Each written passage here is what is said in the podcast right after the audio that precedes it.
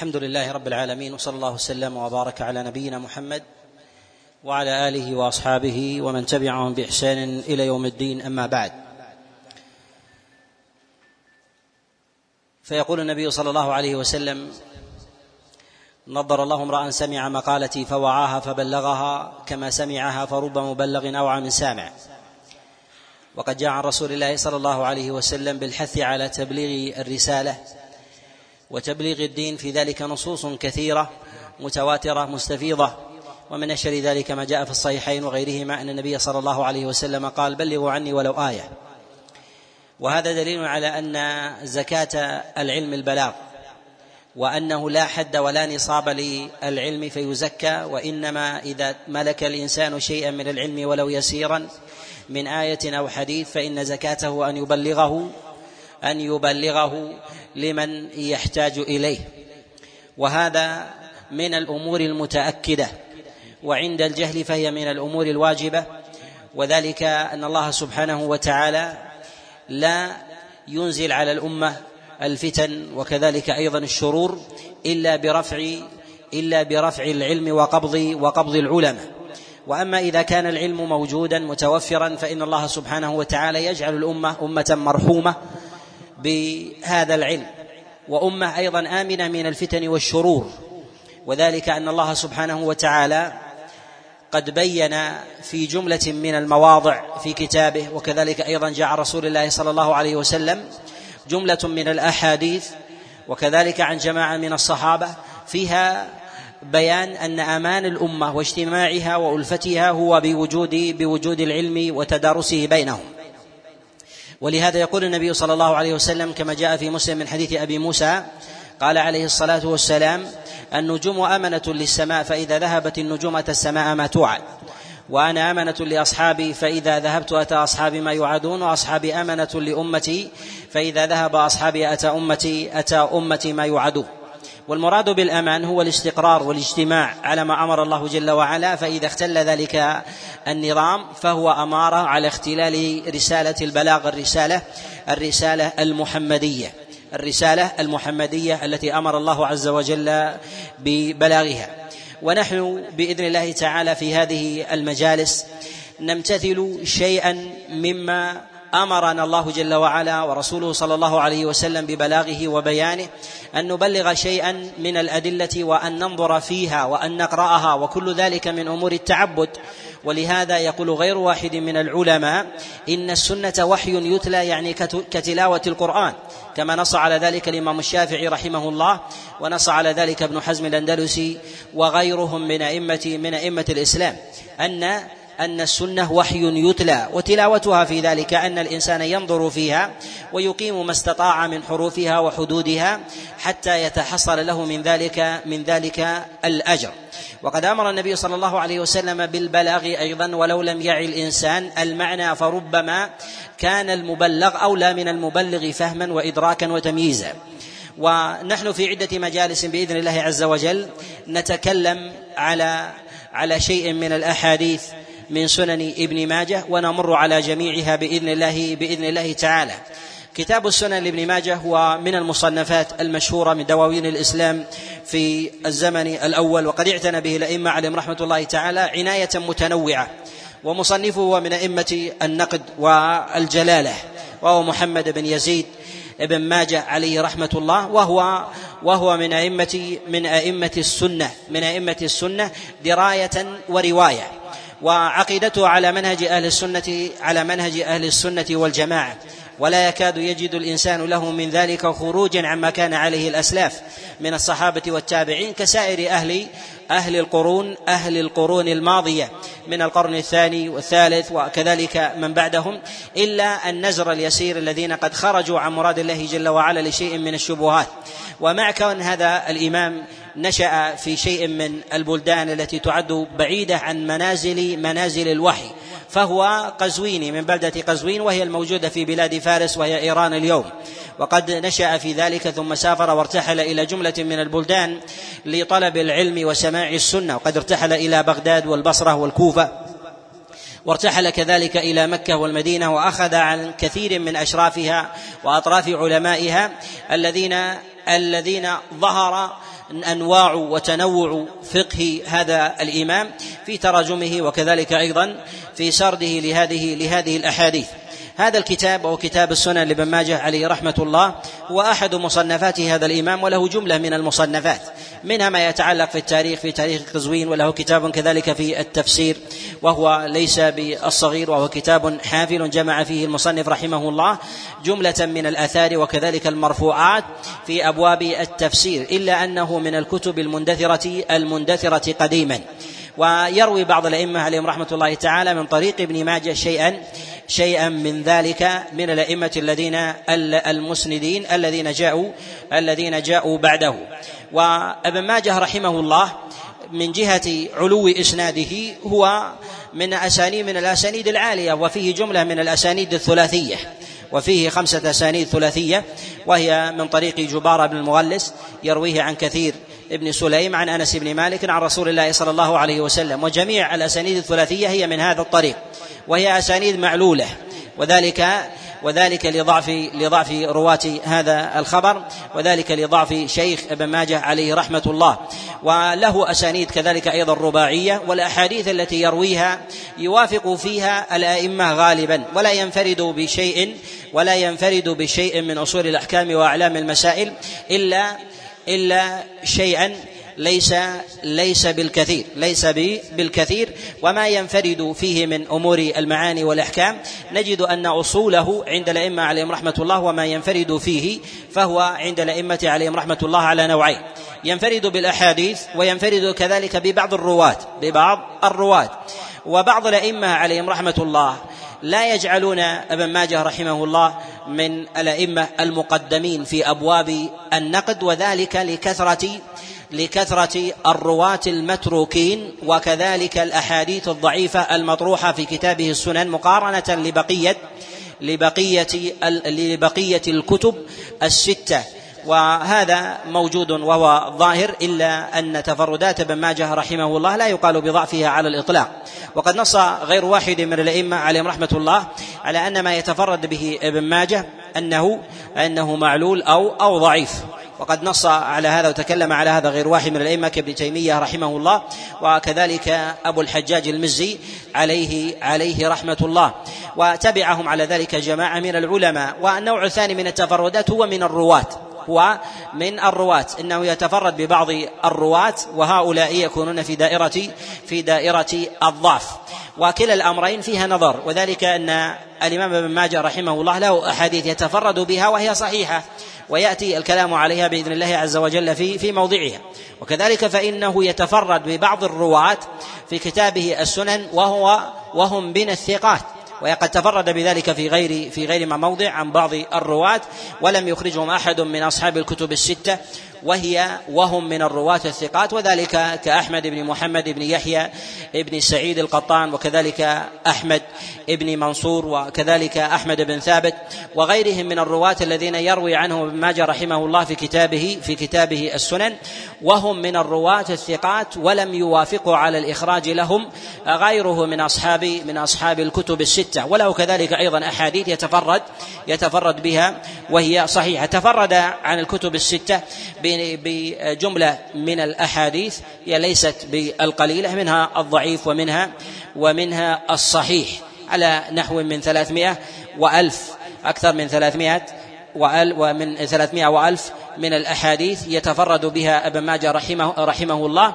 نحو النصف ويزيد هي من الأحاديث الضعيفة. وما عدا ذلك فهي داخلة في دائرة الاحتجاج.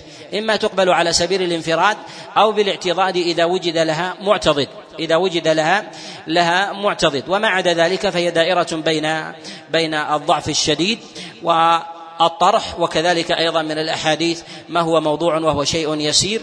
عند ابن ماجه رحمه الله وهو أكثر السنن الأربع وضعا وأكثر السنن الأربع الأربع وضعا. ولهذا العلماء عليهم رحمة الله يجعلونه متاخرا بالنسبة لهذه للكتب الستة.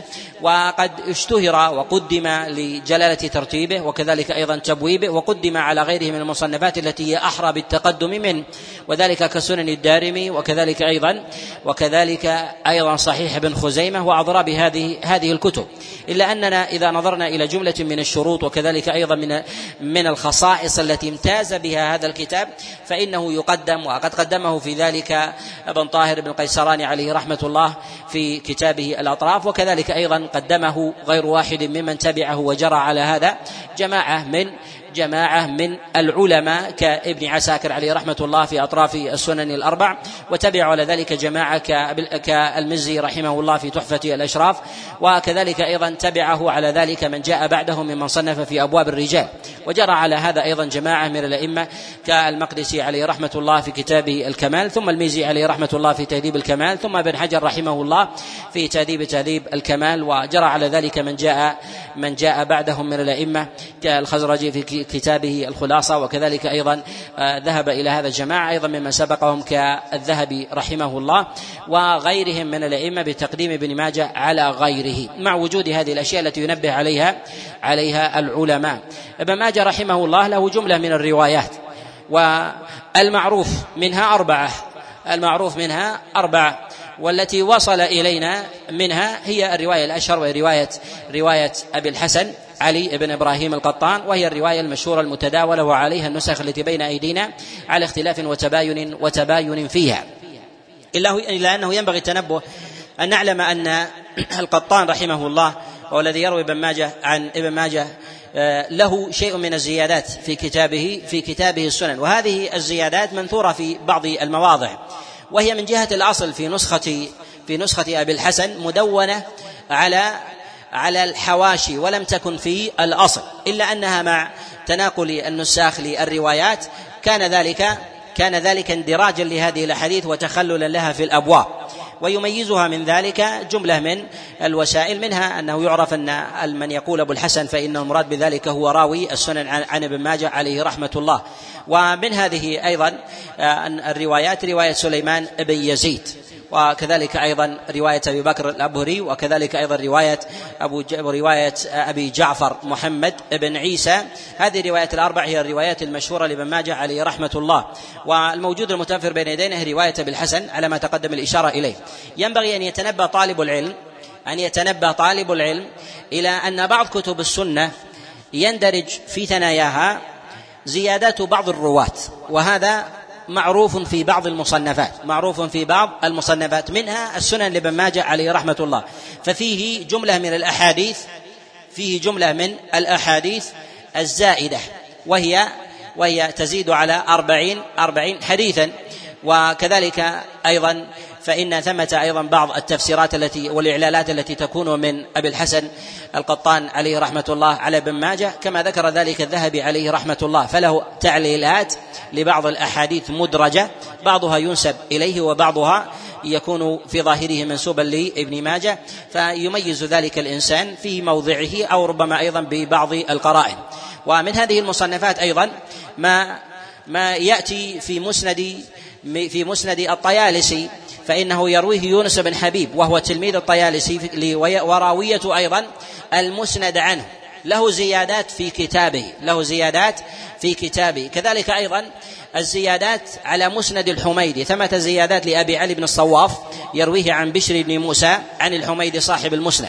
فهو تلميذ تلميذه وله زيادات عليه. وقعت له بعض الأسانيد بعلو فضمنها في الحاشية ثم بعد ذلك اندرجت ثم بعد ذلك اندرجت في أصل في أصل الحديث. ومن ذلك أيضا الزيادات التي يزيدها عبد الله بن أحمد بن حنبل على أبيه في كتابه المسند وكذلك أيضا في كتابه فضائل الصحابة وكذلك أيضا زيادات أبي بكر القطيعي في زيادته على الإمام أحمد عليه رحمة الله. هذه المصنفات فيها جملة من الزيادات ليست للأئمة المصنفين أصحاب هذه الكتب ولكن تعرف بمواضعها منها ما ينص عليه ومنها ما يعرف يعرف بالقرائن بالنظر في بالنظر في الشيوخ. بالنظر في الشيوخ وكذلك أيضا بتلامذتهم وعلو الإسناد وكذلك أيضا وكذلك أيضا نزوله أو الرجوع عند الإشكال إلى النسخ العتيقة في هذا في هذا الباب. ابن ماجه رحمه الله عليه مصنفات كثيرة جدا وهو مع تقدم زمنه إلا أن الإمام النسائي رحمه الله اولى أولى منه الإمام النسائي رحمه الله أولى منه مع تأخر النسائي عن ابن ماجه. وذلك لشدة تحري الإمام النسائي رحمه الله في كتابه السنن من أبواب الرواة وكذلك أيضا في الأحاديث التي يريدها في كتابه في كتابه السنن. ويرمز الأئمة عليهم رحمة الله لسائر الأئمة من المصنفين بالرموز التي ترجع إلى ترجع إلى ألقابهم. فالبخاري بالخاء ومسلم كذلك أيضا بالميم لاسمه آه، الأول وكذلك الترمذي وكذلك النسائي بن ماجه يرمزون له بقاف وذلك لقزوين وهي بلدته التي لبلدته التي التي ولد ولد فيها وينتسب وينتسب إليها. وهذا الكتاب الذي بين أيدينا قد احتوى جملة من المناهج في الإيراد فهو جمع على طريقة الأئمة الأوائل الأحكام. ولهذا صدرها بكتاب السنة وأورد في ذلك جملة من الأحاديث من التمسك بالسنة والاعتصام بها والاهتداء أيضا بهدي رسول الله صلى الله عليه وسلم. ثم بعد ذلك شرع فيما يتعلق ببعض مسائل العقائد وشرع بعد ذلك بالأحكام.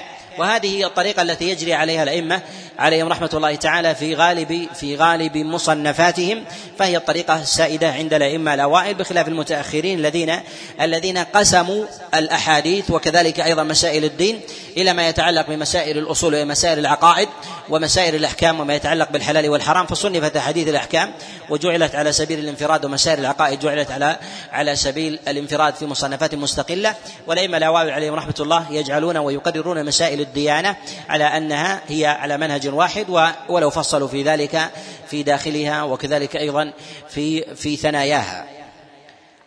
نبدأ. نعم. الحمد لله وحده والصلاة والسلام على من لا نبي بعده. اللهم اغفر لنا ولشيخنا وعلمنا ما ينفعنا وانفعنا بما علمتنا يا أرحم الراحمين.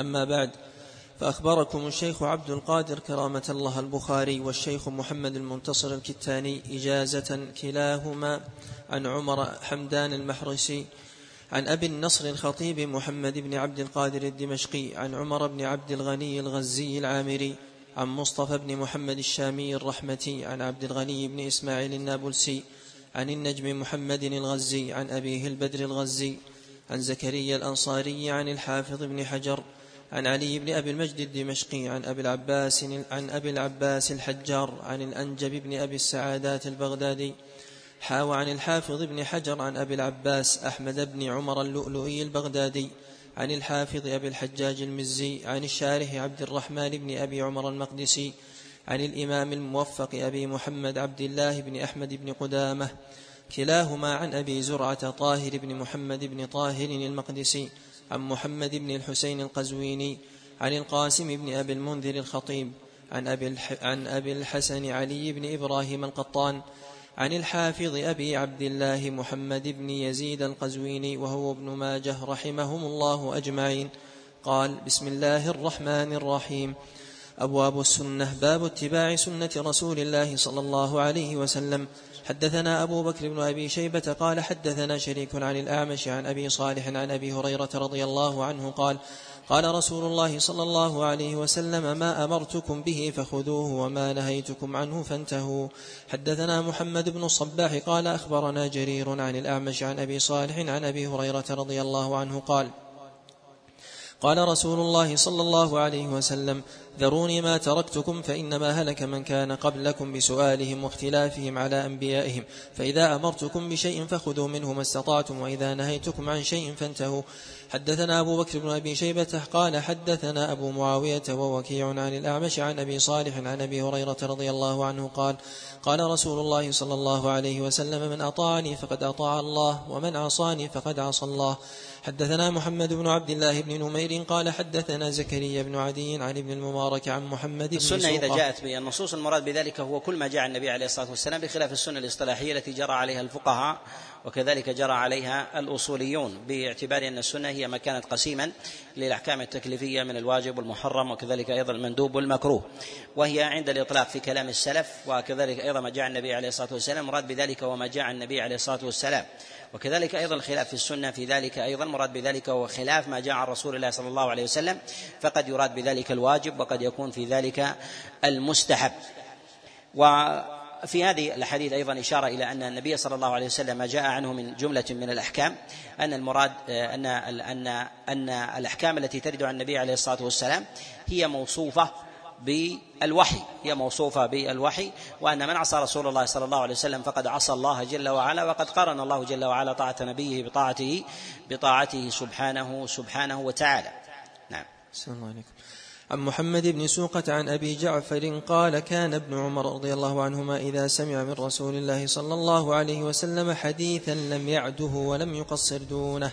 حدثنا هشام بن عمار الدمشقي قال حدثنا محمد بن عيسى بن سميع قال حدثنا إبراهيم بن سليمان الأفطس عن الوليد بن عبد الرحمن الجرشي عن جبير بن نفير عن أبي الدرداء قال خرج علينا رسول الله صلى الله عليه وسلم ونحن نذكر الفقر ونتخوفه فقال آل فقر تخافون والذي نفسي بيده لتصبن عليكم الدنيا صبا حتى لا يزيغ قلب أحد أحدكم إزاغة إلا هي وإم الله لقد تركتكم على مثل البيضاء ليلها ونهارها سواء. قال أبو الدرداء صدق والله رسول الله صلى الله عليه وسلم تركنا والله على مثل البيضاء ليلها ونهارها سواء.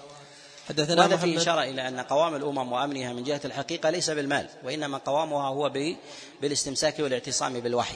ولهذا جاء عن عبد الله بن مسعود عليه رضوان الله تعالى أنه قال لا أقول عام أمطر من عام ولا أمير خير من أمير ولا ولا عام أخصب من عام ولكن ذهابكم ذهاب علمائكم. لأن العبرة العبرة بذلك هو ذهاب العلماء وأن الأرض تتسع بصاحبها إذا كان صاحب علم وتضيق به إذا كان صاحب جهل. ولهذا يقول الله جل وعلا في كتابه العظيم أفلا يرون أن نأتي الأرض ننقصها من أطرافها؟ قد جاء مجاهد بن جبر وعطى بن أبي رباح المراد بنقصان الأرض المراد بذلك هو ذهاب العلماء. هو ذهاب ذهاب العلماء. ولهذا نقول إن الأمة إذا كان فيها العلماء فهي أمة مرحومة وهي مجتمعة وكذلك أيضا ينبغي للمؤمن أن لا يعلق نفسه بالمادة وكذلك أيضا أن يتخوف ما يأتي فإن الله عز وجل قد قدر له الرزق. وعليه أن يسعى بأعظم الأسباب في ذلك ما يتحقق به الأمان وهو العلم. فإن الإنسان إذا كان معه معه العلم فهو على أمان وعلى طمأنينة. وأما بالنسبة للمال فإنه يزيد الإنسان قلقا وذلك أن العلم يحرس الإنسان والمال يحرسه الإنسان يحرسه صاحبه فيزداد قلقا كلما كثر حرسه بخلاف العلم كلما زاد زاد امانا زاد زاد امانا وثباتا ولهذا النبي عليه الصلاة والسلام لا يخشى على الأمة الفقر باعتبار أن الله عز وجل لا يبيدها بفقر ولكن يبيدها بجهل. يبيدها بجهل. ولهذا ما جاء في الصحيح وغيره أن النبي عليه الصلاة والسلام ذكر أنه في آخر الزمان قال لا تقوم الساعة حتى تظهر الفتن ويكثر الهرج. والفتن والهرج لا يظهر في ذلك إلا مع ورود الجهل كما جاء النبي عليه الصلاة والسلام فهي متلازمة. فهي متلازمة. وينبغي أن نعلم أن الغنى إذا وجد في الأمة وجد في ذلك القتل والاضطراب. يتناحرون. لماذا؟ لشدة الطمع وضعف القناعة. فالقناعة أظهر من جهة الفقر أكثر منها في الغنى ولهذا الفقير لديه قناعة أكثر من الغني. وذلك أن الغني كلما ازداد غنى ازداد شراهة. والإنسان إذا ازداد فقرا ازداد ازداد قناعة. ازداد قناعة وهذا معروف حتى عند العرب. أن العرب إذا إذا كانت في زمن فقر انشغلت بنفسها وتراحمت فيما بينها. وإذا كان في زمن غنى اقتتلوا. إذا كان في زمن غنى اقتتلوا. نعم. الله عليكم قال حدثنا محمد بن بشار قال حدثنا محمد بن جعفر قال حدثنا شعبة عن معاوية بن قرة عن أبيه قال قال رسول الله صلى الله عليه وسلم لا تزال طائفة من أمتي منصورين لا يضرهم من خذلهم حتى تقوم الساعة. حدثنا هشام بن عمار قال حدثنا يحيى بن حمزة قال حدثنا أبو علقمة نصر بن علقمة عن عمير بن الأسود وكثير بن مرة الحضرمي. عن أبي هريرة أن رسول الله صلى الله عليه وسلم قال لا تزال طائفة من أمتي قوامة على أمر الله عز وجل لا يضرها من خالفها. حدثنا هشام بن عمار قال حدثنا الجراح بن مليح قال حدثنا بكر بن زرعة قال سمعت أبا عنبة الخولاني وكان قد صلى القبلتين مع رسول الله صلى الله عليه وسلم قال سمعت رسول الله صلى الله عليه وسلم يقول لا يزال الله يغرس في هذا الدين غرسا يستعملهم في طاعته. وفي هذا حفظ الله عز وجل لدينه. وفي هذا أيضا أن الصحابة عليهم رضوان الله تعالى وكذلك أيضا التابعين يجلون السابق ويعظمونه فيعظم اللاحق السابق. ولهذا قال وكان قد صلى القبلتين مع رسول الله صلى الله عليه وسلم. يعني كلما كان الإنسان أقدم علما وأخذا فهو ينبغي أن يقدم قولا ورأيا لا على إطلاقه ولكن يقدم باعتبار رسوخه وثباته بخلاف بخلاف الأمر العارض الذي يطرأ على الإنسان من قناعة ورأي. نعم. حدثنا يعقوب بن حميد بن كاسم قال حدثنا القاسم بن نافع قال حدثنا الحجاج بن ورطاه عن عبد بن شعيب عن أبيه قال قام معاوية خطيبا فقال أين علماؤكم أين علماؤكم؟ سمعت رسول الله صلى الله عليه وسلم يقول لا تقوم الساعة إلا وطائفة من أمتي ظاهرون على الناس لا يبالون من خذلهم ولا من نصرهم. حدثنا هشام بن عمار قال حدثنا محمد بن شعيب قال حدثنا سعيد بن بشير عن قتادة عن أبي قلابة عن أبي أسماء عن ثوبان أن رسول الله صلى الله عليه وسلم قال لا تزال طائفة من أمتي على الحق منصورين لا يضرهم من خالفهم حتى يأتي أمر الله عز وجل. حدثنا أبو سعيد عبد الله بن سعيد قال حدثنا أبو خالد الأحمر قال سمعت مجالدا يذكر عن الشعبي عن جابر بن عبد الله قال كنا عند النبي صلى الله عليه وسلم فخط خطا وخط خطا في هذه الأحاديث التي أوردها المصنف رحمه الله في بقاء الأمة ظاهرة ذكر النبي عليه الصلاة والسلام لا يضرهم من خالفهم يعني وجود المخالفين. وكذلك أيضا من خذلهم ذكر الخذلان وذكر المخالفين المخالفين الأبعدين والمخذلين الأقربين المخذلين الأقربين. إشارة إلى ثبات الإنسان وصموده في مخالفة الأبعدين وخذلان الأقربين. فإذا خذل الإنسان ممن حوله ممن يظن ويرجو منه تأييدا فهذا خذلان. هذا خذلان. وأما المخالفة والعدوان فتكون ممن لا يرجى منه ممن لا يرجى منه نصرة. وهؤلاء ثبتوا على مخالفة الأقربين ومعاداة ومخالفة الأبعد نعم. وجاء في صحيح الإمام مسلم ذكر وصف من أعمالهم وهو القتال. قال يقاتلون في سبيل الله. يقاتلون في سبيل الله وهو أحد أوصافهم. لا وصفا لازما. عن جابر بن عبد الله قال كنا عند النبي صلى الله عليه وسلم فخط خطا وخط خطين عن يمينه وخط خطين عن يساره ثم وضع يده في الخط الأوسط فقال هذا سبيل الله ثم تلا هذه الآية وأن هذا صراطي مستقيما فاتبعوه ولا تتبعوا السبل فتفرق بكم عن سبيله. وفي هذا إشارة إلى أنه ينبغي للإنسان في مسائل العلم عند البيان حتى يرسخ أن يستعمل طريقة الرسم. أو بالبيان بالخط أو الإشارة باليد ونحو ذلك. كذلك أيضا التدليل بالكتاب. مع كلام النبي عليه الصلاة والسلام إنه وحي مع ذلك استدل بالقرآن مع أنه لا ينطق عن الهوى إن هو إلا وحي يوحى إلا أنه استدل على قوله بوحي بالوحي من من القرآن. نعم.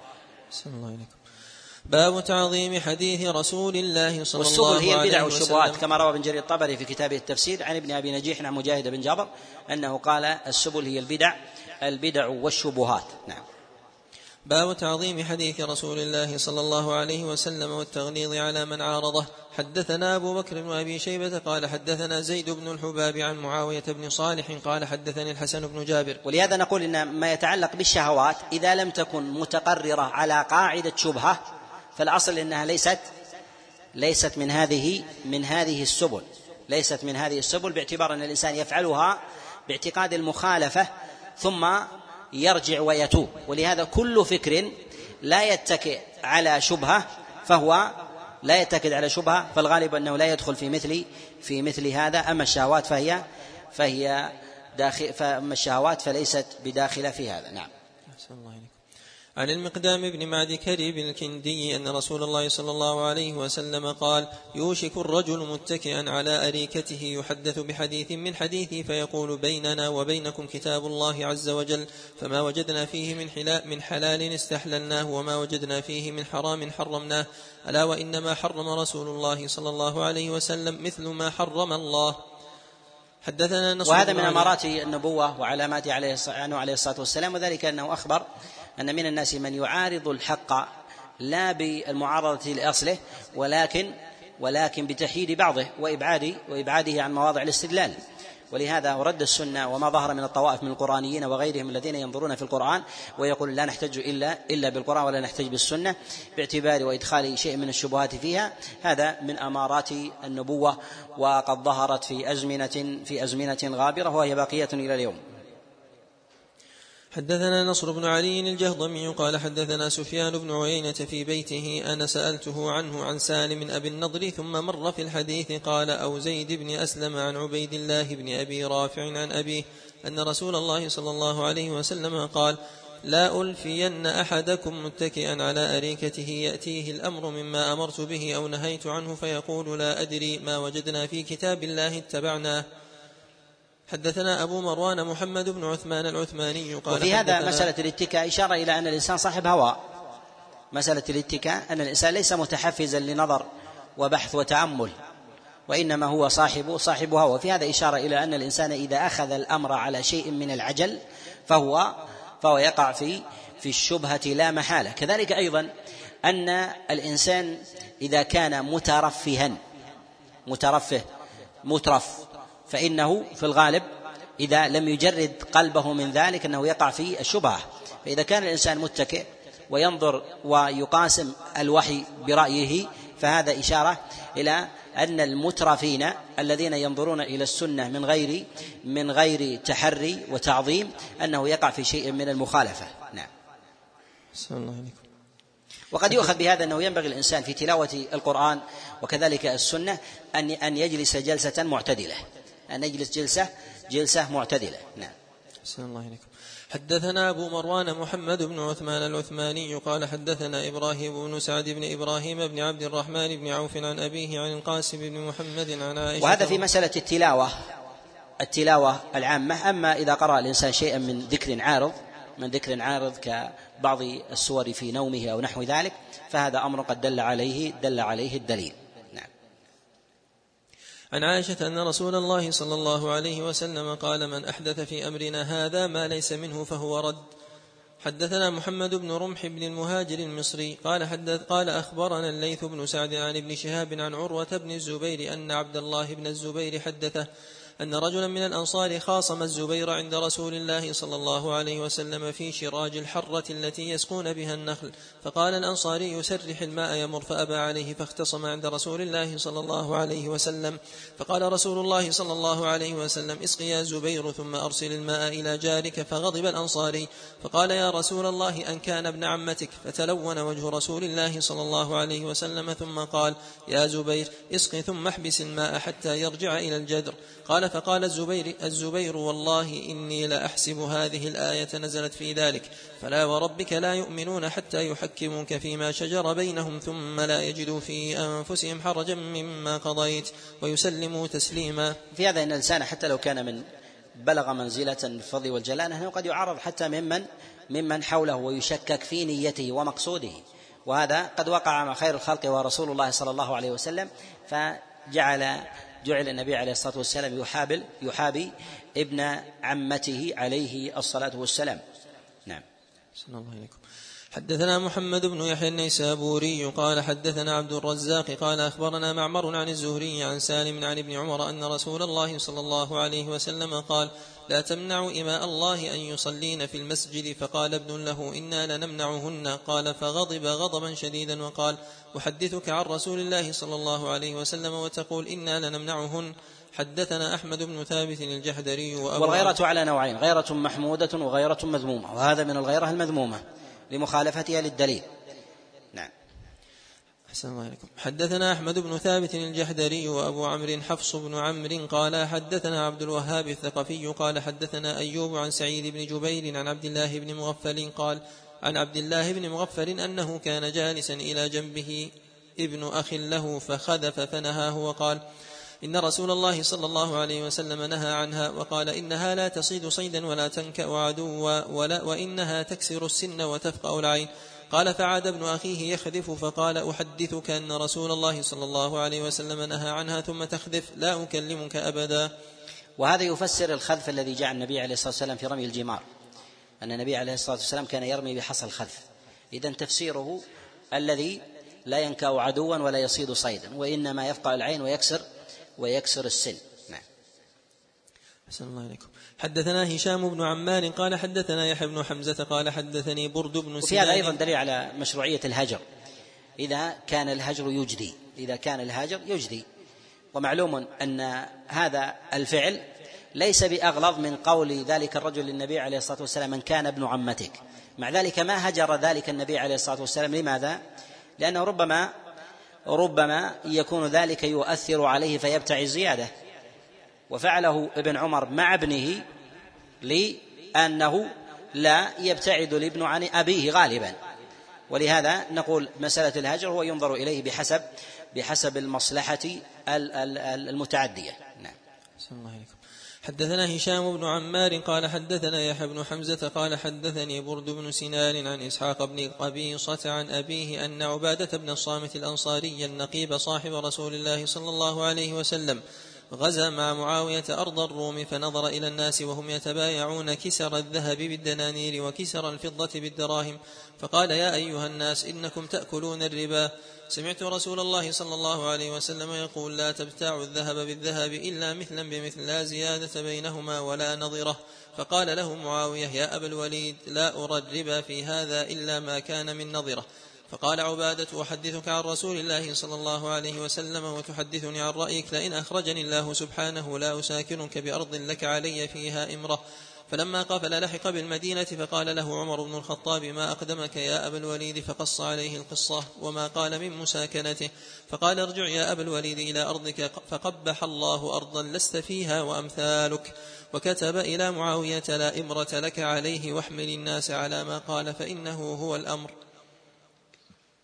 حدثنا أبو بكر بن خلاد الباهلي قال حدثنا يحيى بن سعيد عن ابن عجلان قال أخبرنا وفي هذا أنه يجوز للإنسان أن يتحول من ولاية إلى ولاية.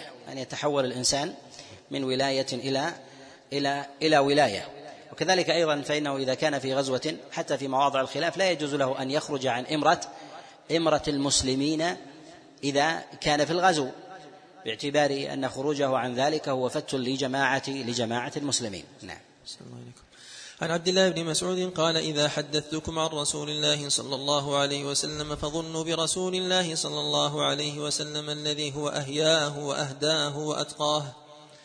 حدثنا محمد بن بشار قال حدثنا يحيى بن سعيد عن شعبة عن عمرو بن مرة عن أبي البختري عن أبي عبد الرحمن السلمي عن علي بن أبي طالب قال إذا لهذا نقول إن الإنسان إذا نظر إلى السنة بنظرة ريبة وشكوى إلى نصوص القرآن كذلك فإنه يقع فيها في نفسه في نفسه شيء. ولهذا نقول إن الشبهة لا يلتقطها إلا القلب الذي فيه زيغ. فالزيغ موجود في القلب قبل النظر.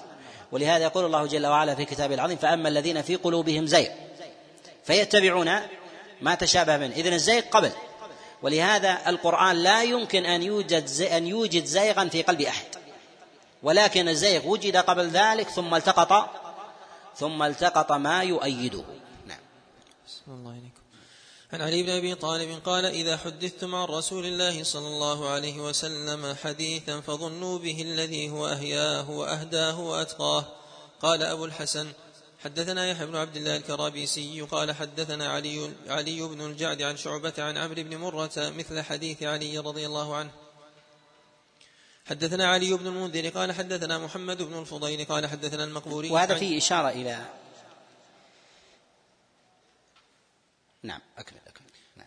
قال حدثنا المقبوري عن جده عن أبي هريرة عن النبي صلى الله عليه وسلم أنه قال لا أعرفن ما يحدث أحدكم عني الحديث وهو متكئ على أريكته فيقول أقرأ قرآنا ما قيل من قول حسن فأنا قلته. حدثنا محمد بن عباد بن آدم قال حدثنا أبي عن شعبة عن محمد بن عمرو عن أبي سلمة عن أبي هريرة وحدثنا هناد بن سري قال حدثنا عبدة بن سليمان قال حدثنا محمد بن عمرو عن أبي سلمة أن أبا هريرة قال لرجل يا ابن أخي إذا حدثتك عن رسول الله صلى الله عليه وسلم حديثا فلا تضرب له الأمثال. وذلك أن أصل الضلال هو بالقياس. أنهم يقولون بقياس كذا وكذا وإذا كان كذا وإذا احتمل كذا هل ينطبق عليه ذلك الأصل أو لا ينطبق عليه؟ ثم يجمع الشيطان في ذهنه شيئا من المتناقضات حتى تتكاثر في ذهنه ثم ينقض بذلك الأصل ينقض بذلك الأصل. ولهذا على الإنسان أن يسلم. ومن المدارس السيئة التي نشأت في زماننا هي مدرسة أن يوكل للإنسان بالبحث لا التسليم. فأضعف جانب التسليم في قلوب كثير من الناس لكلام الله وكلام رسول الله صلى الله عليه وسلم. وهو أن الإنسان يقوم بالبحث والنظر والتقصي وبحث الحقائق بنفسه وكأنه قد جعل عقله حكما لكلام الله عز وجل وكلام رسول الله صلى الله عليه وسلم ونشأت حينئذ الشبهات نشأت في الأمة الشبهات بسبب عقول عقول قاصرة. ولهذا الله عز وجل نهى عن ضرب الأمثال فلا تضربوا لله الأمثال. وكذلك أيضا البدع إنما نشأت بضرب الأمثال والإلحاد إنما نشأ أيضا بضرب الأمثال. والتسلسل في ذلك هو مكائد إبليس. يسأله يضرب له مثلا ليلحقه بآخر ليلحقه بآخر حتى حتى يقع في الضلال ولهذا النبي عليه الصلاة والسلام يقول إن الشيطان يأتي أحدكم فيقول من خلق كذا؟ ولا يريد كذا. ثم يقول الله ثم يقول من خلق كذا؟ فيقول الله قال من خلق كذا؟ حتى يقول من خلق الله. إذن هو يريد النهاية. هو يريد النهاية لينقض البداية. لينقض لينقض في ذلك البداية. والبداية هي وجود خالق ومخلوق. وجود خالق ومخلوق. فإذا انتفى وجود المخلوق انتفى وجود الخالق. وإذا انتفى وجود الخالق انتفى وجود وجود المخلوق. نعم.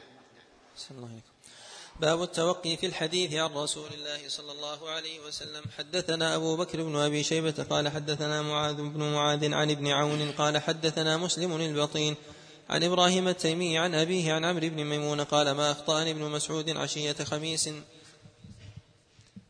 قال ما أخطأني ابن مسعود عشية خميس إلا أتيته فيه. قال فما سمعته يقول لشيء قط. قال رسول الله صلى الله عليه وسلم فلما كان ذات عشية قال قال رسول الله صلى الله عليه وسلم قال فنكس فنظرت إليه وهو قائم محللة أزرار قميصه قد اغرورقت عيناه وانتفخت أوداجه. قال أو دون ذلك أو فوق ذلك أو قريبا من ذلك أو شبيها بذلك. حدثنا أبو بكر بن أبي شيبة قال حدثنا معاذ بن معاذ عن ابن عون عن محمد بن سيرين قال كان أنس بن مالك إذا حدث عن رسول الله صلى الله عليه وسلم حديثا ففرغ منه قال أو كما قال رسول الله صلى الله عليه وسلم. حدثنا أبو بكر بن أبي شيبة قال حدثنا غندر عن شعبة حا وحدثنا محمد بن بشار قال حدثنا عبد الرحمن بن مهدي قال حدثنا شعبة عن عمرو بن مرة عن عبد الرحمن بن أبي ليلى قال قلنا لزيد بن أرقم حدثنا عن رسول الله صلى الله عليه وسلم قال كبرنا ونسينا والحديث عن رسول الله صلى الله عليه وسلم شديد. حدثنا محمد بن عبد الله بن نمير قال حدثنا أبو النضر عن شعبة عن عبد الله بن أبي السفر قال سمعت الشعبي يقول جلست ابن عمر سنة فما سمعته يحدث عن رسول الله صلى الله عليه وسلم شيئا. حدثنا العباس بن عبد العظيم العنبري قال حدثنا عبد الرزاق قال أخبرنا معمر عن ابن طاووس عن أبيه قال سمعت ابن عباس يقول إنا كنا نحفظ الحديث والحديث يحفظ عن رسول الله صلى الله عليه وسلم فأما إذا ركبتم الصعب والذلول فهيهات. حدثنا أحمد بن وذلك أنه وهذا فيه إشارة إلى أنه ينبغي الإنسان أن لا يحدث أحدا إلا وهو ضابط. فإذا غلب على ظنه أنه إذا حدث أحدا حمل العلم على غير وجهه فهو أعانه على على فساد رأيه على فساد رأيه وبلاغه. ولهذا نقول إنه ينبغي الإنسان أن يروي السنة كما جاءت وإنما كان يتوقع السلف الصالح عليهم رحمة الله في ذلك من الصحابة وغيرهم لانهم يعلمون مواضع التأثير من الألفاظ أو التقديم أو التأخير. وكذلك أيضا السياق وآثر البلاغة في ذلك. فهم يدركون مواضع التغيير ولهذا يحتاطون في ذلك ما لا يحتاط من جاء بعدهم ولهذا يتسامح المتأخرون في ذلك لضعف الأصل لديه. وهي الملكة والسليقة العربية ولهذا يتسامحون في جانب يتسامحون في جانب الرواية والرواية بالمعنى قد اختلف فيها العلماء والأرجح الجواز الأرجح الجواز بشروط. من هذه الشروط أن يعلم الإنسان بما يحيل المعنى أن يعلم الإنسان بما يحيل المعنى. الأمر الثاني إذا كان عاجزا عن رواية الحديث بلفظه إذا كان عاجزا عن رواية الحديث بلفظه. الأمر الثالث ألا ينسب اللفظ بمعناه للنبي عليه الصلاة والسلام بل يشير إلى ما يفيد ما يفيد أنه روي أنه يرويه بالمعنى ويقول أو نحو بمثل أو بمعنى أو شبه ما جاء عن رسول الله صلى الله عليه وسلم على مقدار التغيير الوارد الوارد فيه. نعم. حسن الله عليكم حدثنا أحمد بن عبدة قال حدثنا حماد بن زيد عن مجالد عن الشعبي عن قرضة بن كعب قال بعثنا عمر بن الخطاب إلى الكوفة وشيعنا فمشى معنا إلى موضع يقال له صرار فقال أل أتدرون لم مشيت معكم؟ قال قلنا لحق صحبة رسول الله صلى الله عليه وسلم ولحق الأنصار. قال لكني مشيت معكم لحديث أردت أن أحدثكم به فأردت أن تحفظوه لممشاي معكم. إنكم تقدمون على قوم للقرآن في صدورهم هزيز كهزيز المرجل فإذا رأوكم مدوا إليكم أعناقهم وقالوا أصحاب محمد صلى الله عليه وسلم فأقلوا الرواية عن رسول الله صلى الله عليه وسلم ثم أنا شريككم. حدثنا محمد بن بشار قال حدثنا عبد الرحمن قال حدثنا حماد بن زيد عن يحيى بن سعيد عن السائب بن يزيد قال صحبت سعد بن مالك من المدينة إلى مكة فما سمعته يحدث عن النبي صلى الله عليه وسلم بحديث واحد. وهذا ما ينبغي أن يحترز فيه القدوة الذي يقتدى بقوله وكذلك أيضا بفعله وإكثاره وإقلاله سواء من الحركة والسكون أو الحديث أو القول أو الرأي أو غير ذلك ما يتأثر فيه فينبغي أن يحتاط بقوله. فلهذا نقول إنه ينبغي للإنسان ألا ينظر إلى سلامة قوله بل ينظر أيضا إلى إلى ما يفهم ويسمع ويسمع منه. وهذا هو العقل. قاصر العقل هو الذي لا ينظر إلا إلى الملفوظ من قوله ولا ينظر إلى الغايات. وكلما كان الإنسان لغايته أبعد فهو أعقل فهو أعقل. وكلما كانت غايته أدنى كان الإنسان أقل عقلا. ولهذا العقلاء الذين ينظرون إلى الغايات الذين ينظرون إلى الغايات. ولهذا تجد المجنون يتناول الكأس ويأخذها ويشرب ولكن لا يدري أين يضع لأنه فكر بالأخذ وما فكر بالوضع. ولهذا يشرب ثم يرمي ثم ثم يرمي. وكلما كان الإنسان في ذلك أعقل فإنه ينظر إلى الغايات أبعد. ولهذا النبي صلى الله عليه وسلم حينما يشرع ينظر إلى إلى قيام إلى قيام الساعة لأنه مبلغ فيما بعد ذلك مبلغ فيما بعد ذلك. ولهذا هذه الحكمة الله عز وجل أرى نبيه عليه الصلاة والسلام ما هو كائن إلى قيام الساعة. ما هو كائن إلى قيام الساعة؟ لماذا؟ حتى ينزل قوله لا على أصحابه وإنما على سائر القرون. على سائر القرون. كذلك أيضا العالم الداعية إلى الله لا ينظر إلى خمسة أو عشرة أمام القول إلى أين يصل؟ من يسمعني؟ من يفهم هذا القول؟ أو نحو ذلك ينظر بمثل هذه الحكمة. مثل هذه الحكمة وهو كمال وهو كمال العقل. نعم. باب التغليظ في تعمد الكذب على رسول الله صلى الله عليه وسلم. حدثنا أبو بكر بن أبي شيبة وسويد بن سعيد وعبد الله بن عامر بن زرارة وإسماعيل بن موسى قالوا حدثنا شريك عن سماك عن عبد الرحمن بن عبد الله بن مسعود عن أبيه قال قال رسول الله صلى الله عليه وسلم من كذب علي متعمدا فليتبوأ مقعده من النار. حدثنا عبد الله بن عامر بن زرارة وإسماعيل بن موسى قال حدثنا شريك عن منصور عن ربعي بن حراش عن علي رضي الله عنه قال قال رسول الله صلى الله عليه وسلم لا تكذبوا علي فإن الكذب علي يولج النار. حدثنا محمد بن رمح المصري قال حدثنا الليث بن سعد عن ابن شهاب عن أنس بن مالك قال قال رسول الله صلى الله عليه وسلم من كذب علي حسبته قال متعمدا فليتبوأ مقعده من النار. حدثنا أبو خيثمة زهير بن حرب قال حدثنا هشيم عن أبي الزبير عن جابر قال قال رسول الله صلى الله عليه وسلم من كذب علي متعمدا فليتبوأ مقعده من النار. حدثنا أبو بكر بن أبي شيبة قال ومعنى فليتبوأ فليتهيأ أو فليتخذ. مقعدا له له من النار. في هذا أن الإنسان الذي يتحرى يتبوى مقعده من الجنة. يتبوى مقعده من الجنة. لماذا؟ لأنه كل عقاب يزيله الله عز وجل على على فعل. فإن المحتاط من هذا الفعل فإن الله عز وجل يجعل ثوابه مقابلا أو أعظم من ذلك. لأن رحمة الله سبقت سبقت غضبه. حدثنا أبو بكر بن أبي شيبة قال حدثنا محمد بن بشر عن محمد بن عمرو عن أبي سلمة عن أبي هريرة قال قال رسول الله صلى الله عليه وسلم من تقول علي ما لم أقل فليتبوأ مقعده من النار. حدثنا أبو بكر بن أبي شيبة قال حدثنا يحيى بن يعلى التيمي عن محمد بن إسحاق عن معبد بن كعب عن أبي قتادة قال سمعت رسول الله صلى الله عليه وسلم يقول على هذا المنبر إياكم وكثرة الحديث عني فمن قال علي فليقل حقا أو صدقا ومن تقول علي ما لم أقل فليتبوأ مقعده من النار.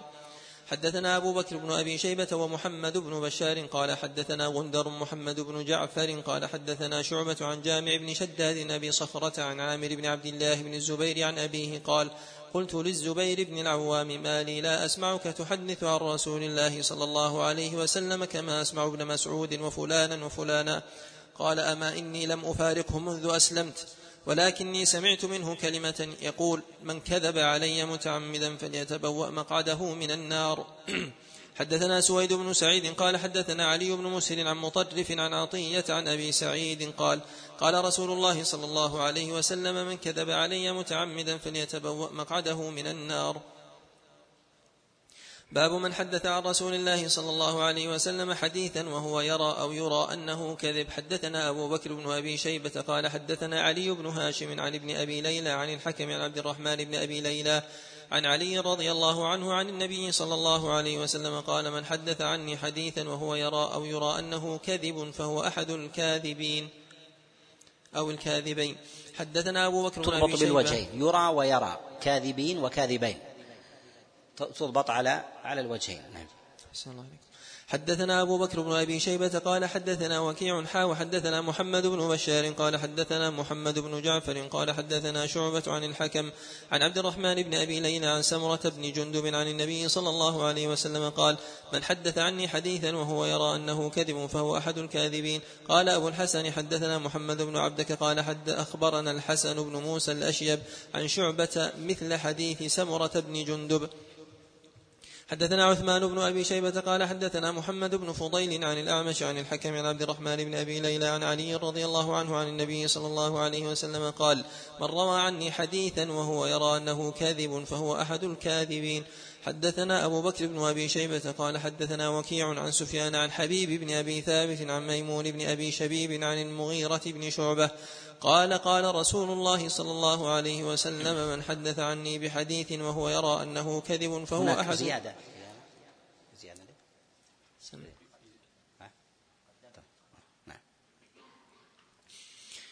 من حدث عني بحديث وهو يرى أنه كذب فهو أحد الكاذبين.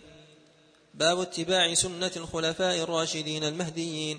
حدثنا عبد الله بن أحمد بن بشير بن ذكوان الدمشقي قال حدثنا الوليد بن مسلم قال حدثنا عبد الله بن العلاء يعني بن زبر قال حدثني يحيى بن أبي المطاع قال سمعت العرباض بن سارية يقول قام فينا رسول الله صلى الله عليه وسلم ذات يوم فوعظنا موعظة بليغة وجلت منها القلوب وذرفت منها العيون فقيل يا رسول الله وعظتنا موعظة مودع فعهد إلينا بعهد. فقال عليكم بتقوى الله والسمع والطاعة وإن عبدا حبشيا وسترون من, وسترون من بعد اختلافا شديدا فعليكم بسنتي وسنة الخلفاء الراشدين المهديين. عضوا عليها بالنواجذ وإياكم والأمور المحدثات فإن كل بدعة ضلالة. حدثنا إسماعيل بن بشر بن منصور وإسحاق وإسحاق بن إبراهيم السواق قال حدثنا عبد الرحمن بن مهدي عن معاوية بن صالح عن ضمرة بن حبيب عن عبد الرحمن بن عمرو السلمي أنه سمع العرباض بن سارية يقول وعظنا رسول الله صلى الله عليه وسلم موعظة ذرفت منها العيون ووجلت منها القلوب فقلنا يا رسول الله إن هذه لموعظة مودع فما تعهد إلينا؟ قال قد تركتكم على البيضاء ليلها كنهارها لا يزيغ عنها بعدي إلا هالك فمن يعش منكم فسيرى اختلافا كثيرا. فعليكم بما عرفتم من سنتي وسنة الخلفاء الراشدين المهديين. عضوا عليها بالنواجذ وعليكم بالطاعة وإن عبدا حبشيا. فإنما المؤمن كالجمل الأنف حيث ما قيدا قاد. حدثنا يحيى بن حكيم قال حدثنا عبد الملك بن صباح المسمعي قال حدثنا ثور بن يزيد عن خالد بن معدان عن عبد الرحمن بن عمرو عن العرباد بن سارية قال صلى بنا رسول الله صلى الله عليه وسلم صلاة الصبح ثم أقبل علينا بوجهه فوعظنا موعظة بليغة فذكر نحوه. الله عليكم. باب اجتناب البدع والجدل. حدثنا سويد بن سعيد وأحمد بن ثابت الجحدري قال حدثنا عبد الوهاب الثقفي عن جعفر بن محمد في ترجمة المصنف رحمه الله في اتباع الخلفاء الراشدين وهذا مما لا خلاف فيه أن سنة الخلفاء الراشدين مقدمة على على غيره. وإذا اجتمع أبو بكر وعمر على قول فإنه يقدم على فإنهما يقدمان على غيرهما.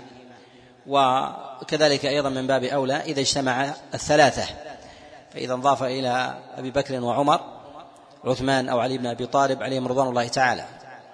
وقلما يختلف قول أبي بكر وعمر في مسألة من المسائل وهو شيء يسير إلا وأحد القولين وأحد القولين ضعيف إلا وأحد القولين ضعيف. ويوجد شيء من المسائل ولكنه شيء ونزر ونزر يسير. وذلك لجلالة علمهم وكذلك أيضا سبقهم وفضلهم. وإن, وإن وقع أو صح شيء من الخلاف فيكون ذلك في شيء من التنزيل. في شيء من التنزيل لا في أصل لا في أصل المسائل. نعم. الله إليكم. عن جابر بن عبد الله قال كان رسول الله صلى الله عليه وسلم إذا خطب احمرت عيناه وعلى صوته واشتد غضبه كأنه منذر جيش يقول صبحكم مساكم ويقول بعثت أنا والساعة كهاتين ويقرن بين إصبعيه السبابة والوسطى ثم يقول أما بعد فإن خير الأمور كتاب الله وخير الهدي هدي محمد وشر الأمور محدثاتها وكل بدعة ضلالة. وكان يقول من ترك مالا فلأهله ومن ترك دينا أو ضياعا فعلي وإلي. حدثنا محمد بن عبيد بن ميمون المديني أبو عبيد قال حدثنا أبي عن محمد بن جعفر بن أبي كثير عن موسى بن عقبة عن أبي إسحاق عن أبي الأحوص عن عبد الله بن مسعود أن رسول الله صلى الله عليه وسلم قال إنما هما اثنتان الكلام والهدي فأحسن الكلام كلام, كلام الله وأحسن الهدي هدي محمد ألا وإياكم ومحدثات الأمور فإن شر الأمور محدثاتها وكل محدثة بدعة وكل بدعة وكل بدعة ضلالة ألا لا يطولن عليكم الأمد فتقسو قلوبكم ألا إنما هو آت قريب وإنما البعيد ما ليس بآت ألا إنما الشقي من شقي في بطن أمه والسعيد من وعظ بغيره ألا إن قتال المؤمن كفر وسبابه فسوق. ولا يحل لمسلم أن يهجر أخاه فوق ثلاث ألا وإياكم والكذب فإن الكذب لا يصلح بالجد ولا بالهزل. ولا يعد الرجل صبيه ثم لا يفي له. وإن الكذب يهدي إلى الفجور وإن الفجور يهدي إلى النار وإن الصدق يهدي إلى البر وإن البر يهدي إلى الجنة. وإنه يقال للصادق صدق وبر ويقال للكاذب كذب وفجر. وإنما, وإنما كان الغالب في وصف الهداية أن يكون بالقول والفعل كان ما ينسب للنبي عليه الصلاة والسلام هدي وكذلك ما ينسب للأنبياء. أولئك الذين هدى الله فبهداه مقتده. وأما ما يتعلق بكلام الله عز وجل فهو كلامه سبحانه وتعالى وأمر الله عز وجل به نبيه وكذلك أيضا أمر به أمر به سائر سائر الأمة. ولهذا عند الاجتماع يقال كلام الله وهدي رسول الله صلى الله عليه وسلم. نعم. الله ألا وإن العبد يكذب حتى يكذب حتى يكتب عند الله عز وجل كذابا. حدثنا محمد بن خالد بن خداش قال حدثنا إسماعيل بن علية قال حدثنا أيوب حا وحدثنا أحمد بن ثابت الجحدري ويحيى بن حكيم قال حدثنا عبد الوهاب قال حدثنا أيوب عن عبد الله بن أبي مليكة عن عائشة قالت تلا رسول الله صلى الله عليه وسلم هذه الآية هو الذي أنزل عليك الكتاب منه آيات محكمات هن أم الكتاب وأخر متشابهات إلى قوله وما يذكر إلا أولو الألباب فقال يا عائشة إذا رأيتم الذين يجادلون فيه فهم الذين عناهم الله فاحذروهم. حدثنا علي بن المنذر قال حدثنا محمد بن فضيل وحدثنا حوثرة بن محمد قال حدثنا محمد بن بشر قال حدثنا حجاج. الجدال هو المحاورة. الجدال هو هو المحاورة. والمحاورة هي الجدال ولهذا لما ذكر الله عز وجل التي تجادل رسول الله صلى الله عليه وسلم في زوجها قال الله عز وجل والله يسمع تحاوركما. سماه الله عز وجل محاورة وهي أصل من جهة الأصل مجادلة. كذلك أيضا غلب في الاصطلاح هو جعل المجادلة هي شبيهة بالمناظرة تكون من طرفين متساويين من طرفين متساويين. والمحاورة والمحاورة هي دونها ولكن المجادلة تؤدي إلى شيء إلى شيء من الخصومة أو ربما أيضا يكون بمناقشة الظواهر مع مع الإقرار بالبواطن. ولهذا ينهى عن عن الجدال والحوار في ذلك أقرب إلى الحق من من الجدال. نعم. الله إليكم وحدثنا حوثرة بن محمد قال حدثنا محمد بن بشر قال حدثنا حجاج بن دينار عن أبي غالب عن أبي أمامة قال قال رسول الله صلى الله عليه وسلم ما ضل قوم بعد هدى كانوا عليه إلا أوتوا الجدل ثم تلا هذه الآية بل هم قوم خصمون. حدثنا داود بن سليمان العسكري قال حدثنا محمد بن علي أبو هاشم بن أبي خداش الموصلي قال حدثنا محمد بن محصن عن إبراهيم بن, عب ابن أبي عبلة عن عبد الله بن الديلمي عن حذيفة قال قال رسول الله صلى الله عليه وسلم لا يقبل الله لصاحب بدعة صوما ولا صلاة ولا صدقة ولا حجا ولا عمرة ولا جهادا ولا صرفا ولا عدلا يخرج من الإسلام كما تخرج الشعرة من العجين حدثنا عبد الله بن سعيد قال حدثنا بشر بن منصور فسر الإمام أحمد رحمه الله لا يقبل الله لصاحب بدعة توبة قال لا يوفق لا يوفق للتوبة. لماذا؟ لأنه يفعلها تدينا يفعلها تدينا. ولهذا يتوب العاصي وقلما يتوب المبتدع. يتوب العاصي وقلما يتوب المبتدع بل تتضخم لديه البدعة وتنمو. تتضخم لديه البدعة وتنمو. حدثنا عبد الله بن سعيد قال حدثنا بشر بن منصور الخياط عن أبي زيد عن أبي المغيرة عن عبد الله بن عباس قال قال رسول الله صلى الله عليه وسلم أبى الله أن يقبل عمل صاحب بدعة حتى يدع بدعته.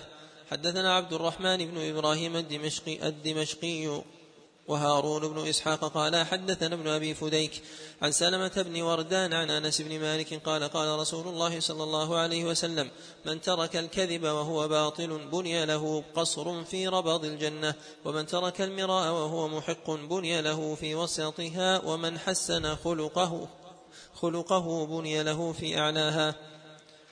باب اجتناب الرأي والقياس ولا يؤتى الإنسان الجدل إلا وهو صاحب بدعة. ويورثه ذلك اعتدادا برأيه وبحثا وشكا في اليقينيات حتى يصل إلى حتى يصل إلى الشك بأصول اليقينيات بأصول اليقينيات حتى يشك الإنسان فيما يراه بعينه. وقد بلغت الطوائف كثير من الطوائف الشك أيضا بمثل بمثل هذا. والله سبحانه وتعالى قد كفى الإنسان الجدال والمراء بالوصول إلى الغايات فبين الله عز وجل له ذلك. وأشبه الفلسفة بالحبل المتشابك الطويل الذي يبحث الإنسان عن طرفيه والله عز وجل أعطاه طرفه الأول وأعطاه طرفه الثاني. ثم يبحث. فإذا ابتعد به ثني الحبل عن عما عن طرفه شك. وإذا قرب من الطرف تيقن. ثم يتقلب من شك في يقين من شك ويقين حتى حتى يصل وربما مات ولم يصل. ولهذا الفلاسفة دخلوا في أمور الفلسفة كحال تتبع الإنسان في الحبل. يذهب ويجي يريد بذلك أن يثبت اليقينيات القطعيات التي أثبتها الله في كتابه بعقله المجرد. فتقرب من الحقيقة فتجتمع القرائن موافقة لكلام الله ثم تبتعد به مرة أخرى ثم تقرب به ثم تبتعد مرة أخرى ولا يحصلون من ذلك شيء. ولا يحصلون من ذلك شيء. ولهذا يتمنى من مات منهم أن يموت على عقائد العجائز. لماذا؟ لأن الشريعة ما جاءت لتحير وإنما جاءت لتدل وتهدي. الشرائع ما جاءت لتحير الناس بل تدلهم وتهديهم أن يأخذها الإنسان بأسهل سبيل. هذه القاعدة التي اختلت عند كثير من الناس اختلت لوازمها. فاختلوا من جهة البحث والنظر وضعف لديهم التسليم. نعم. الله عليكم باب اجتناب الرأي والقياس. حدثنا أبو كريب قال حدثنا عبد الله بن إدريس وعبدة أبو معاوية وعبد الله بن نمير ومحمد بن بشر حا. وحدثنا سويد بن سعيد قال حدثنا علي بن مسلم ومالك بن أنس وحفص بن ميسرة وشعيب بن إسحاق عن هشام بن عروة عن أبيه عن عبد الله بن عمرو بن العاص أن رسول الله صلى الله عليه وسلم قال إن الله لا يقبض العلم انتزاعا ينتزعه من الناس ولكن يقبض العلم بقبض العلماء. فإذا لم يبق عالم اتخذ الناس رؤوسا جهالا فسئلوا فأفتوا بغير علم فضلوا وأضلوا. حدثنا أبو بكر بن أبي شيبة قال حدثنا عبد الله بن يزيد. وفي هذا إشارة إلى أن الذي يوجد العالم ويرفعه هو الله. إذا لم يبق أو يبقي الله عالما يرفع الله الذين آمنوا منكم والذين أوتوا العلم درجات الجاهل الذي يصنع منه عالم يرفعه العامة والناس والغوغاء والظلمة. ولهذا يقول النبي صلى الله عليه وسلم حتى إذا لم يبقى يبقي عالما اتخذ الناس رؤوسا جهالا. رؤوسا جهالا. ولهذا ولاية العالم لا يسقطها أحد. ولاية العالم لا لا يسقطها أحد. لماذا؟ لقيام موجبها وعدم رفعه. وهو العلم. وهو العلم. ولهذا يقول ابن حزم رحمه الله أن كل ولاية تسقط إلا ولاية إلا ولاية العالم. لا يسقطها لا يسقطها إلا من رفعها وهو الله سبحانه وتعالى. نعم.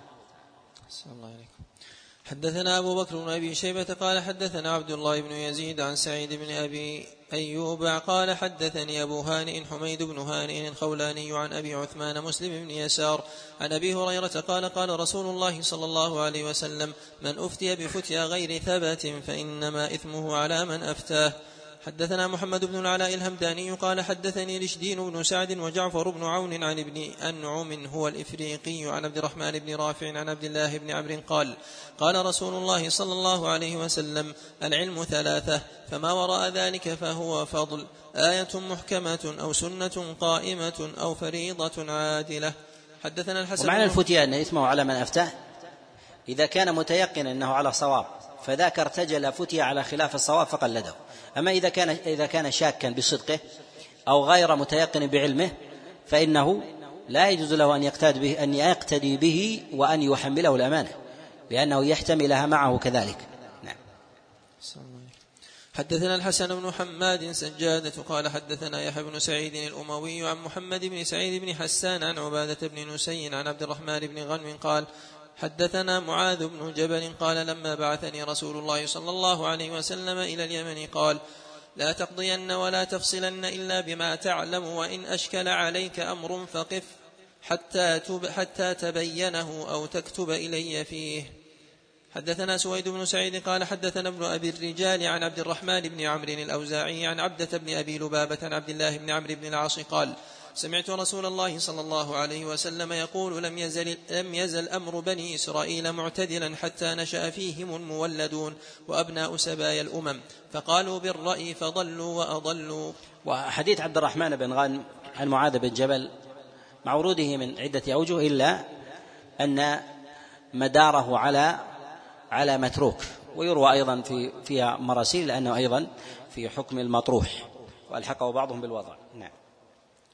الله عليكم باب في الإيمان. حدثنا علي بن محمد الطنافسي قال حدثنا وكيع قال حدثنا سفيان عن سهيل بن أبي صالح عن عبد الله بن دينار عن أبي صالح عن أبي هريرة قال قال رسول الله صلى الله عليه وسلم الإيمان بضع وستون أو سبعون بابا فأدناها إماطة الأذى عن الطريق وأرفعها قول لا إله إلا الله والحياء شعبة من الإيمان. حدثنا أبو بكر بن أبي شيبة قال حدثنا أبو خالد الأحمر عن ابن عجلان حاء وحدثنا عمرو بن رافع قال حدثنا جرير عن سهيل جميعا عن عبد الله بن دينار عن أبي صالح عن أبي هريرة عن النبي صلى الله عليه وسلم نحوه. حدثنا سهل بن أبي سهل ومحمد بن عبد الله بن يزيد قال حدثنا سفيان عن الزهري عن سالم عن أبيه قال سمع النبي صلى الله عليه وسلم رجلا يعظ أخاه في الحياء فقال إن الحياء شعبة من الإيمان.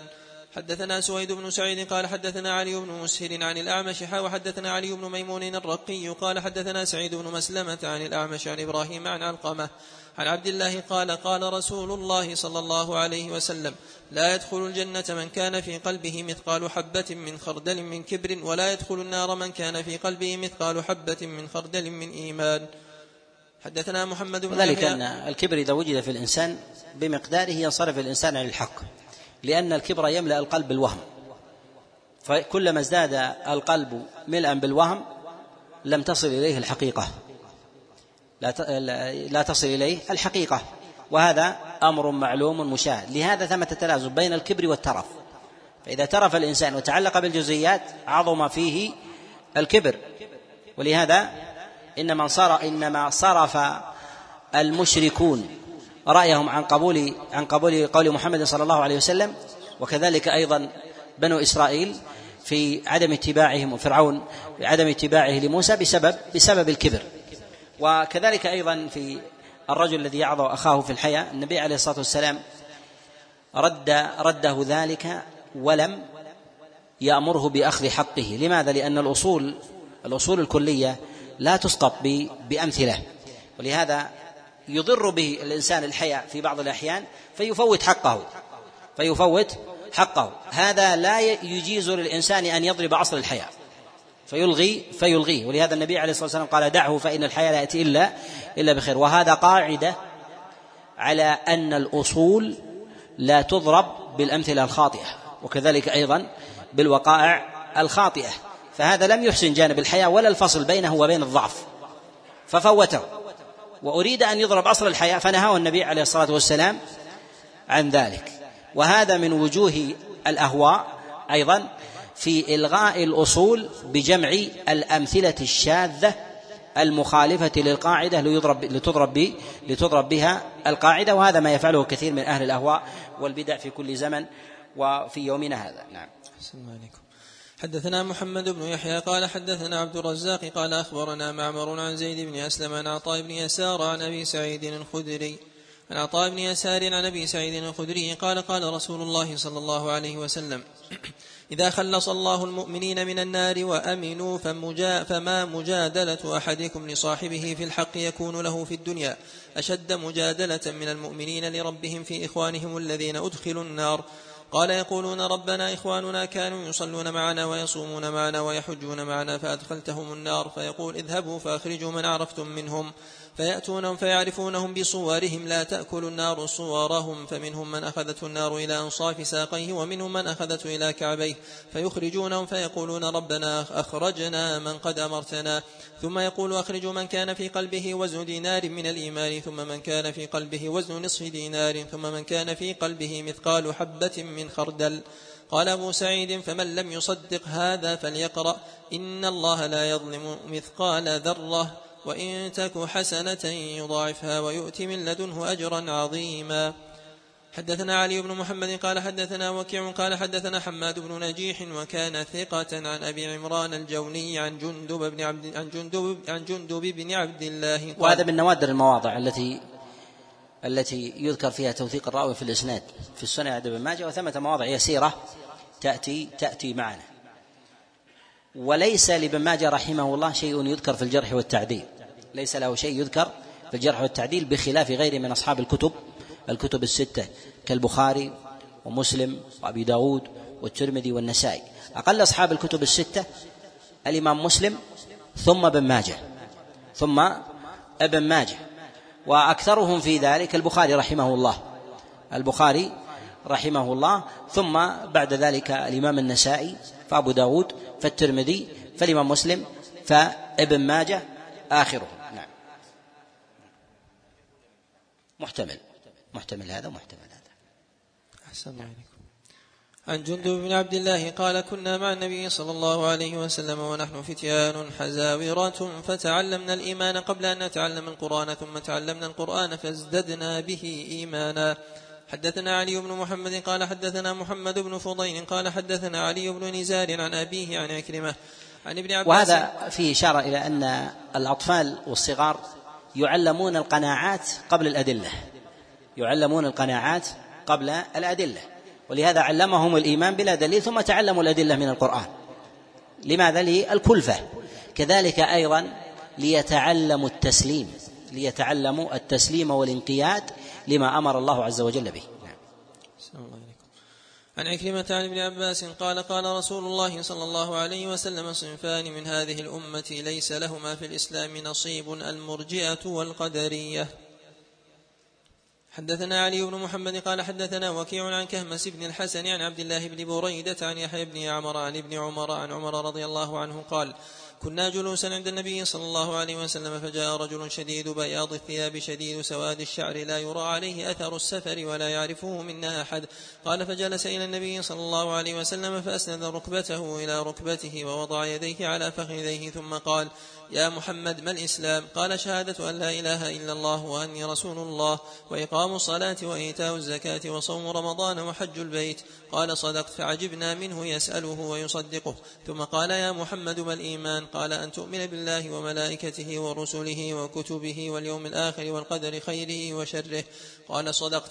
فعجبنا منه يسأله ويصدقه. ثم قال يا محمد ما الإحسان؟ قال أن تعبد الله كأنك تراه فإنك إلا تراه فإنه يراك. قال فمتى الساعة؟ قال ما المسؤول عنها بعلم من السائل. قال فما أمارتها؟ قال أن تلد الأمة ربتها قال وكيع يعني تلد العجم العرب. وأن ترى الحفاة العراة العالة رعاء الشاء يتطاولون في البناء. قال ثم قال فلقيني النبي صلى الله عليه وسلم بعد ثلاث فقال تدري من الرجل؟ قلت الله ورسوله أعلم. قال ذاك جبريل. أتاكم يعلمكم معالم دينكم. قال أبو الحسن القطان وفيما فعله جبريل في جعل ركبتيه إسناد ركبتيه إلى ركبتيه أصل في ثني الركب عند العالم. أصل في ثني الركب عند العالم. وكلاهما شريف فالعلم إنما جاء إلى رسول الله بواسطة جبريل ورسول الله صلى الله عليه وسلم لا إشكال أو لا خلاف أنه سيد ولد آدم عليه الصلاة والسلام. وهو أيضا عليه الصلاة والسلام أفضل من جميع الملائكة أفضل من جميع الملائكة عليه الصلاة والسلام. وقد أسند جبريل ركبتيه إلى ركبة النبي عليه الصلاة والسلام وضع يديه على فخذه إشارة الأدب مع المعلم. نعم. الله عليكم. قال أبو الحسن القطان حدثنا يحيى بن عبد الله قال حدثنا عبد الله بن يزيد المقرئ قال حدثنا كهمس مثله. حدثنا أبو بكر بن أبي شيبة قال حدثنا إسماعيل بن علية عن أبي حيان عن أبي زرعة عن أبي هريرة قال كان رسول الله صلى الله عليه وسلم يوما بارزا للناس. فأتاه رجل فقال يا رسول الله ما الإيمان؟ قال أن تؤمن بالله وملائكته وكتبه ورسله ولقائه وتؤمن بالبعث الآخر. قال يا رسول الله ما الإسلام؟ قال أن تعبد الله لا تشرك به شيئا وتقيم الصلاة المكتوبة وتؤدي الزكاة المفروضة وتصوم رمضان. قال يا رسول الله ما الإحسان؟ قال أن تعبد الله كأنك تراه فإنك إلا تراه فإنه يراك. قال يا رسول الله متى الساعة؟ قال ما المسؤول عنها بأعلم من السائل ولكن سأحدثك عن أشراطها. إذا ولدت الأمة ربتها فذلك من أشراطها وإذا تطاولت رعاء الغنم في البنيان فذلك من أشراطها. في خمس لا يعلمهن إلا الله. ثم تلا رسول الله صلى الله عليه وسلم إن الله عنده علم الساعة وينزل الغيث ويعلم ما في الأرحام. وما تدري نفس ماذا تكسب غدا وما تدري نفس بأي أرض تموت. إن الله عليم خبير. نقف. الصلاة